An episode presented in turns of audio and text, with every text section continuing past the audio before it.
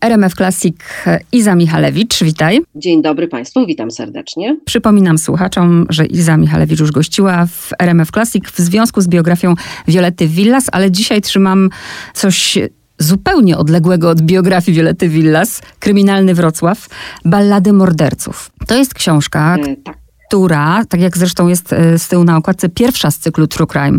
Skoro pierwsza i pierwszy Wrocław, to dlaczego Wrocław i które miasto będzie jako drugie? A, to ja może zacznę od odpowiedzi na drugi człon tego pytania. Otóż e, niech to będzie niespodzianka, nie będę zdradzała, jakie miasto będzie kolejne. E, natomiast Wrocław z bardzo prostej przyczyny, a mianowicie jest to moje rodzinne miasto.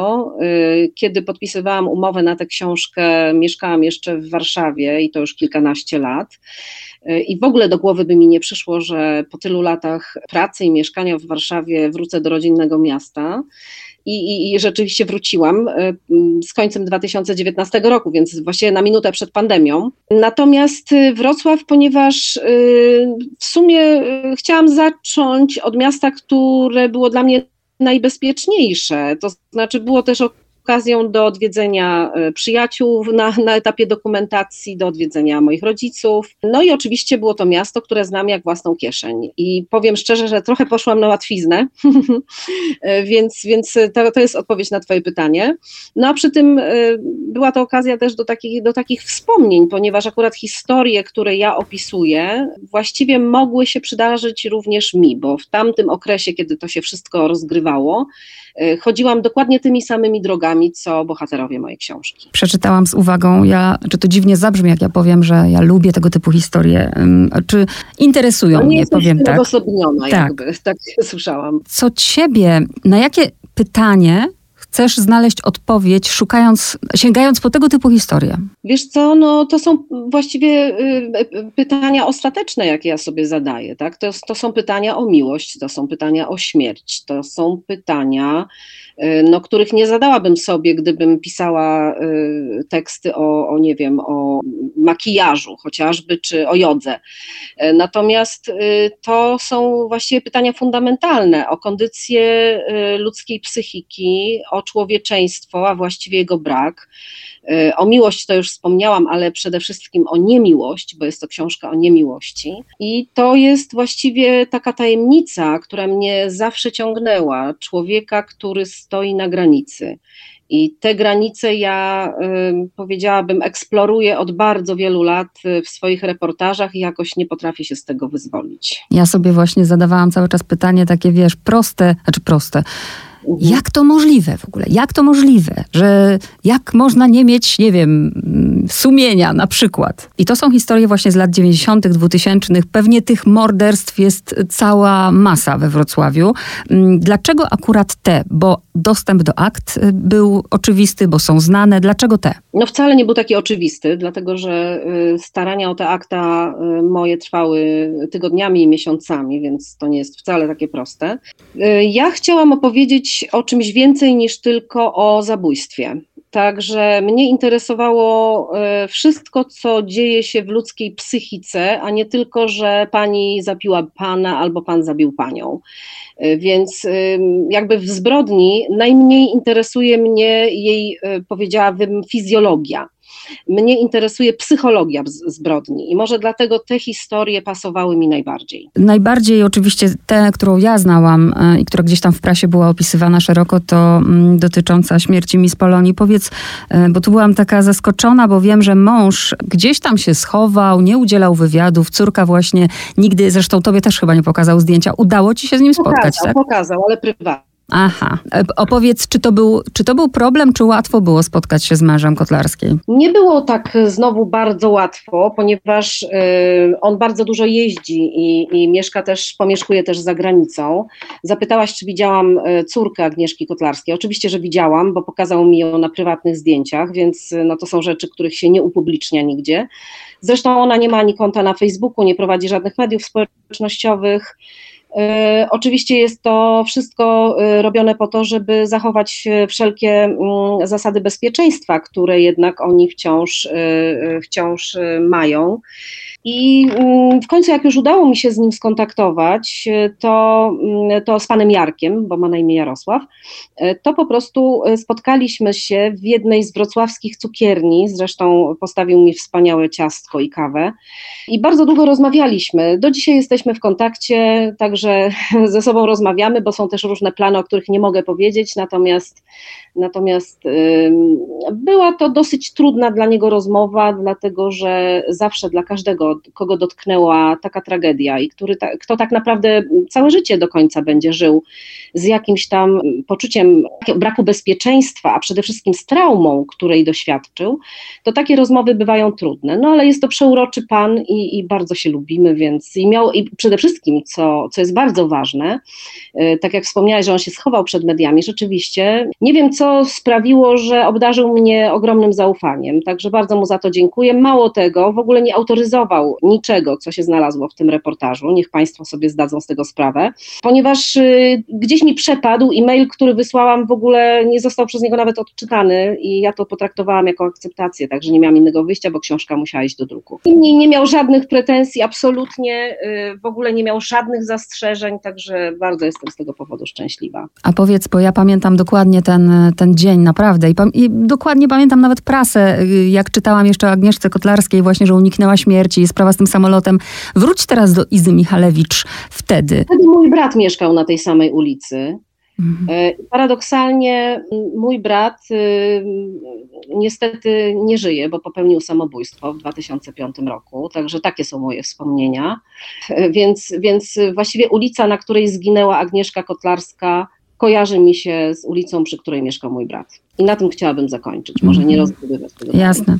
E, a rozmawiałaś e, z rodzicami Lisiewskiego? Nie, ja myślę, że oni już nawet nie żyją. Czyli to jest jakby informacja tam, gdzie matka właśnie mm, powie o synu, to, to są wszystkie informacje z akt, tak? To są wszystko akt, e, tak, mhm. tak, informacje z akt. Zresztą powiem szczerze, nie zawsze dało się dotrzeć do rodzin osób, które zamordowały. Także to jest bardzo trudna e, dla udźwignięcia e, dla takiej rodziny w ogóle sytuacja, więc ja sobie zdaję sprawę z tego, że e, nie każdy chce mieć kontakt z dziennikarzem. Nie udało mi się też wielokrotnie dotrzeć do, do takich rodzin i, i odmawiali w ogóle współpracy. Lisiewski dzisiaj jest na wolności, prawda? Tak, niestety tak. No. Wiem, że po, po, po tej całej sprawie, po wyjściu, zresztą ja to opisuję tak.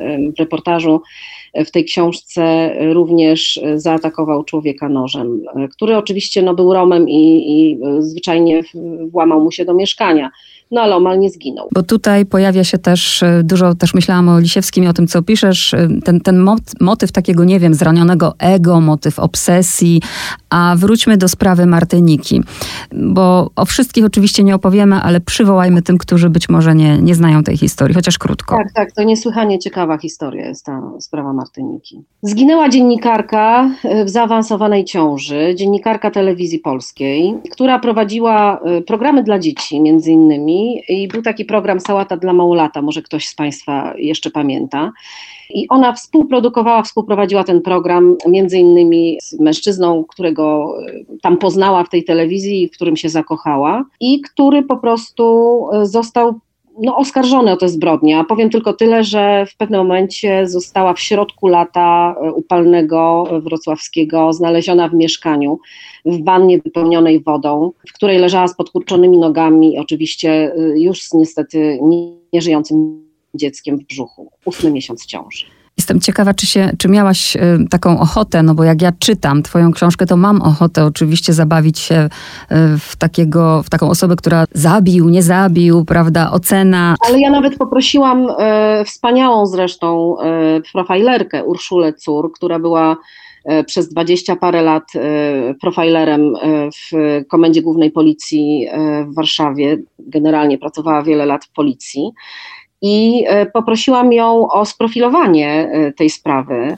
Ja tam opisuję w tej, w tej książce właśnie, jakie było podejście profilerki do, do tej sprawy, ale tu Państwu nie jestem w stanie wszystkiego zdradzić ani opowiedzieć.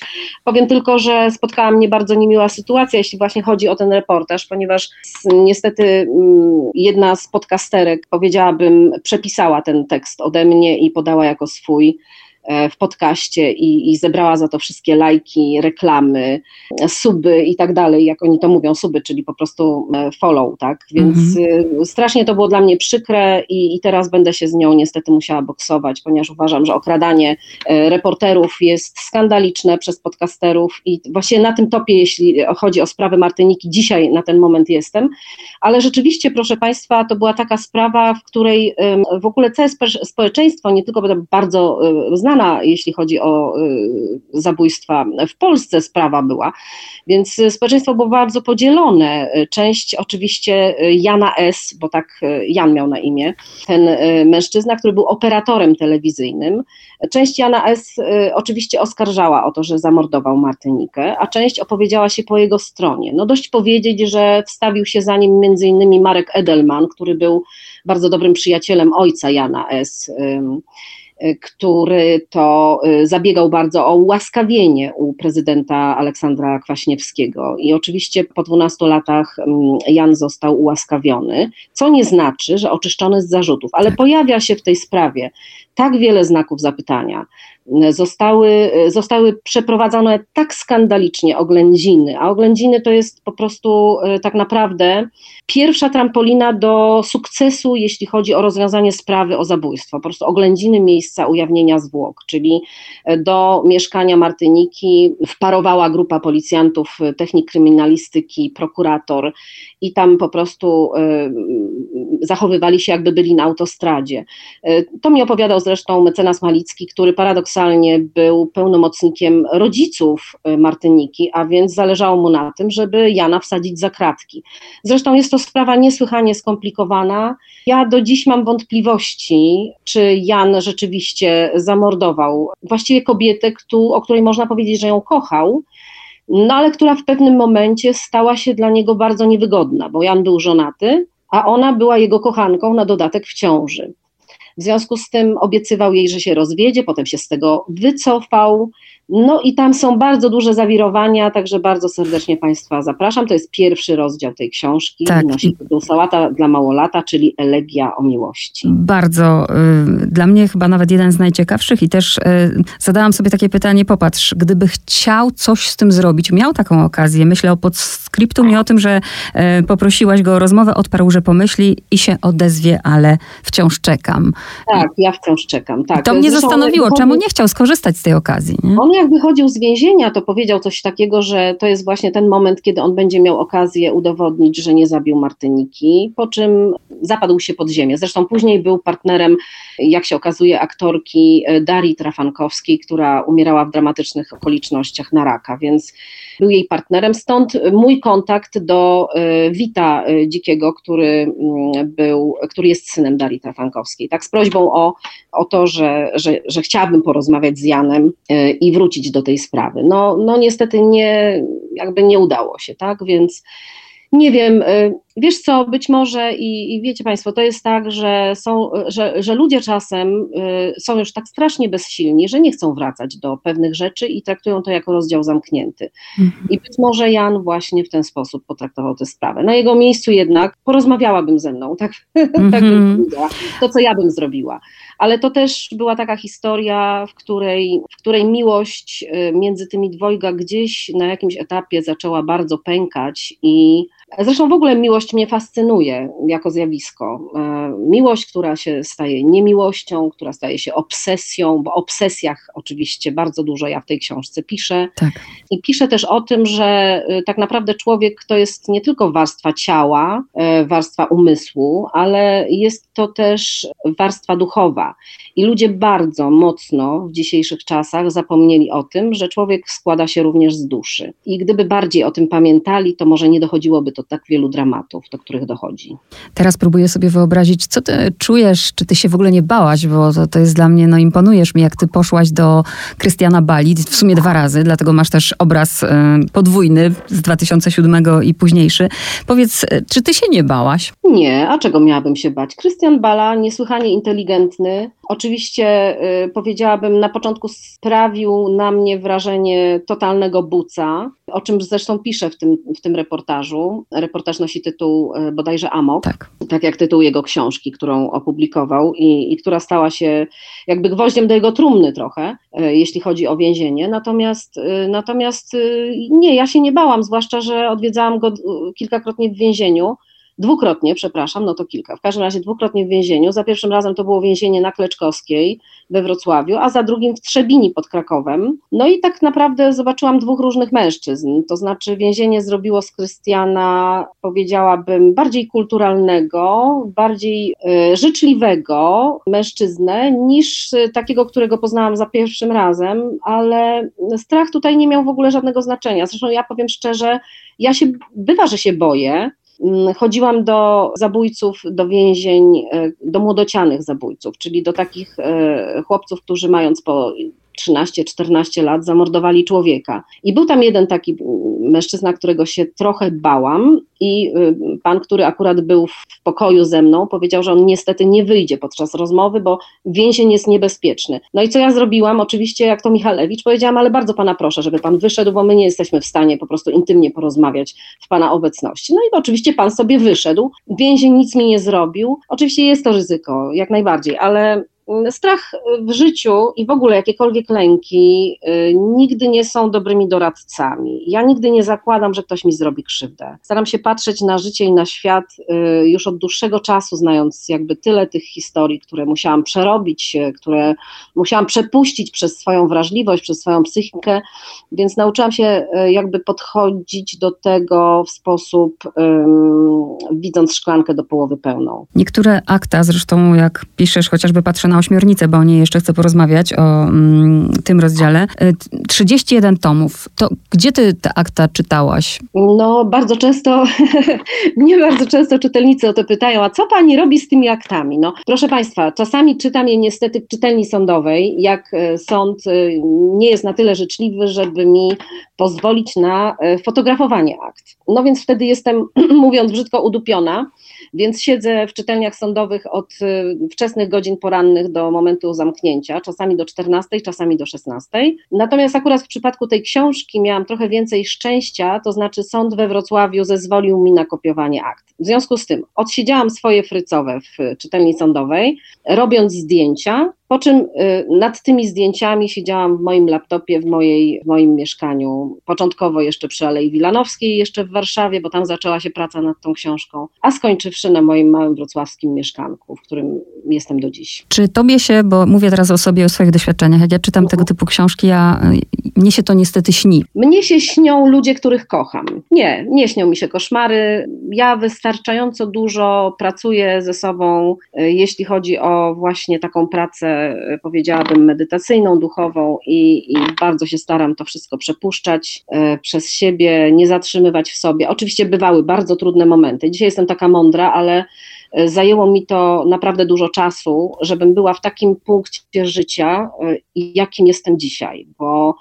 kiedyś było tak, że ja to potwornie przeżywałam, bywało, że zagłuszałam w sobie te wszystkie sygnały, które mówiły mi, masz w głowie obraz taki i taki i ciągle go widzisz. Mm, mi tak y, stop klatkami te, te obrazy przeskakiwały. Nie, nie śniły mi się, natomiast y, bardzo często miałam przed oczami zdjęcia z akt y, pomordowanych ludzi. Zwłaszcza, że to są bardzo często, no, mówiłyśmy o Martynice, kobieta w zaawansowanej ciąży. Mówimy o ludziach, którzy zginęli, zginęli w tragicznych okolicznościach i, i no, nie było to dla mnie przyjemne oglądanie Miss Polski na stole sekcyjnym. A ponieważ przerobiłam tych spraw bardzo dużo, bo napisałam też przecież książkę o policyjnym archiwum Mix, czyli o rozwiązywaniu zagadek zbrodni sprzed lat, więc y, jakby mam, mam już doświadczenie w pamiętaniu takich obrazów, natomiast ja je po prostu uwalniam. E, odkryłam dzięki mojemu przyjacielowi technikę uwalniania e, Hawkinsa A, i pracuję uwielbiam. tym bardzo. Ja nad bardzo. tym pracuję dopiero. Właśnie i wiesz, powiem Ci szczerze i bardzo Państwu polecam książkę Hawkinsa Technika uwalniania, ponieważ jest to niesłychana metoda na uwalnianie traum i oczywiście nie ma od razu efektów, dlatego ja, dlatego Państwu mówię, że dzisiaj jestem taka mądra, ale kiedyś jeszcze ciągle w sobie trzymałam to wszystko, dzisiaj to uwalniam i, i robi to bardzo dobrze na psychikę. Ale się cieszę, że ja mam wszystkie książki Hawkinsa na półce i właśnie za, yy, bardzo się cieszę, że, że o nim wspominasz. Powiedz, czy miałaś taką myśl, nie mówię nawet o tej książce, ale też o, o, właśnie pozostałych, że te książki mogą stać się, no jednak jakby nie było, mówiąc kolokwialnie, świrów na tym świecie nie brakuje. Że komuś ta książka może posłużyć, wiesz, zupełnie w innym celu. Nie, ja kompletnie o takich, nie, nie, zupełnie tego nie zakładam, bo wiesz, jeszcze oprócz e, Hawkinsa istnieje e, ktoś taki jak Neville Goddard i tak. bardzo warto znać jego prawo założenia i ja po prostu nauczyłam się nie zakładać w ogóle takich sytuacji. Proszę Państwa, to czego nie chcemy, przyciągamy. Jeżeli poświęcamy i zasilamy swoją uwagą świat mroku i, negatywi, i, i negatywizmu, to, to to nas właśnie, to w nas będzie odbijało. Więc ja nie zakładam czegoś takiego. Ja mam, e, proszę Państwa, i mam nadzieję, że wśród Państwa również będę miała kolejnych wspaniałych czytelników, którzy bardzo uważnie czytają te książki i dla których te książki y, są w ogóle nie jakąkolwiek y, instrukcją obsługi do zabicia kogoś, broń Panie Boże, ale raczej trampoliną do tego, żeby uświadomić sobie, poszerzać własną świadomość jakby w, w takim, w takim e, punkcie jak ludzki los jak ludzkie emocje, zgłębiać te emocje. Wiesz, no to są, to jest taki wachlarz nieprawdopodobny, jakby y, tego, co się z człowiekiem dzieje, co ja opisuję w tych książkach, że naprawdę jest z czego czerpać i nie musi to właśnie być y, jakakolwiek instrukcja obsługi do y, zamordowania żony czy męża. To jeszcze takie pytanie, ponieważ ja nie wierzę w przypadki. Kiedy czytałam rozdział Ośmiornica, to sobie właśnie zadawałam takie pytanie, czy to, bo kiedyś bym może pomyślała, dobrze, ta dziewczyna znalazła się w nieodpowiednim miejscu, w nieodpowiednim czasie i spotkała nieodpowiedniego człowieka. Ale nie wierzę w przypadki i ciekawa jestem właśnie jak ty, powołując teraz się też na, na tych, których czytasz. Jak ty o tym myślisz, że co, każdy ma swoją, y, nie wiem, rolę do wypełnienia na tym świecie, swoje rzeczy do przeżycia. Co myślisz na przykład o bohaterce właśnie Ośmiornicy? Wiesz co, to jest bardzo, y, y, to była dla mnie niesłychanie wstrząsająca emocjonalnie sprawa, muszę powiedzieć, bo dziewczyna została zamordowana w sposób y, straszliwie bestialski. Została przede wszystkim wielokrotnie zgwałcona, była maltretowana. Nie opowiem tego Państwu, bo wystarczy, że o tym napisałam i, i, i robię to w sposób dość szczegółowy i nawet czytelnicy mi tam na pewnym etapie zwracali uwagę, że może to jest trochę zbyt szczegółowe i, i pomyślę nad tym, żeby może zrezygnować z wielu szczegółów, które podaję, ale ja je podaję nie bez powodu, bo ja je podaję po to, żebyście Państwo się przejrzeli trochę y, w mrocznej y, stronie człowieka, tak? Ale odpowiem Ci na, na Twoje pytanie. Otóż też długo się bardzo zastanawiałam y, nad tym i ja myślę, że tak jak kiedyś próbowałam walczyć, wadziłam się z życiem, walczyłam z życiem, z losem i tak dalej, tak wiem, że ten wielki scenarzysta ma dla nas coś zawsze przygotowane, co nie znaczy, że my się musimy z tym losem godzić, bo wielu moich bohaterów wadzi się, podobnie jak ja, w życiu prywatnym z losem i na wiele rzeczy nie zgadza. Ale uważam, że nie ma w życiu przypadków i że mm, rzeczywiście przychodzimy na ten świat po to, żeby wypełnić jakąś rolę. Ja zastanawiam się do dziś, jaką rolę miała do wypełnienia Dorota, która zginęła w tak bestialski sposób, ale myślę, że gdyby nie jej śmierć, to nikt nie odnalazłby tej ośmiornicy, o której ja piszę w tym reportażu. I y, być może nigdy te kobiety, które były tak potwornie maltretowane, a było ich więcej oprócz Doroty, nie zaznałyby wolności, nie uwolniłyby się od tego potwora, który je gnębił. Więc każda śmierć, mam wrażenie, a, a, a w tym przypadku śmierć Doroty, miała jakiś sens. Chociaż y, i tak zawsze będę uważała, że śmierć jest akurat, to jest tylko śmierć ciała. Mimo wszystko jednak nie umieramy do końca. Y, bardzo w to wierzę. Ja też. Ostatnie pytanie, ponieważ fajny pomysł na okładkę i barwy Wrocławia, więc podejrzewam, nie chcesz zdradzić kolejne miasto. Każde miasto będzie miało swoją okładkę w postaci barw miasta? No ja mam nadzieję, ja w ogóle nie wiem, jakie są plany wydawcy co do kolejnej części, y, czy, czy seria będzie w wciąż, znaczy czy seria w ogóle powstanie, czy nie powstanie, tego jeszcze nie wiem, mam nadzieję, że tak. Ale pomysł akurat z barwami Wrocławia był mój. Pomysł z tym, żeby na okładce znalazł się akurat most grunwaldzki, czyli niesłychanie charakterystyczny most wrocławski, a pamiętajmy, że Wrocław to jest miasto, które ma ponad 100 mostów, mhm. więc jest czym wybierać. Początkowo był most Ostrowia Tumskiego, ale y, jednak y, uznałam, że ten grunwaldzki jest bardziej charakterystyczny. Oczywiście barwy, barwy Wrocławia jak najbardziej. E, czyli biało, e, czyli przepraszam, żółto-czarno-czerwone. I myślę, że to jest jakaś taka wizytówka każdego z miast, e, które pewnie się pojawi. Mam oczywiście w głowie parę miast i, i są miejsca, które mnie niesłychanie ciekawią, no ale też mam dużo różnych innych planów, jeśli chodzi o pisanie książek, więc wszystko musi po prostu mieć swój czas i swoją kolejność. Bardzo Ci dziękuję za rozmowę. Iza Michalewicz. Dziękuję Państwu bardzo, dziękuję Ci Małgosiu.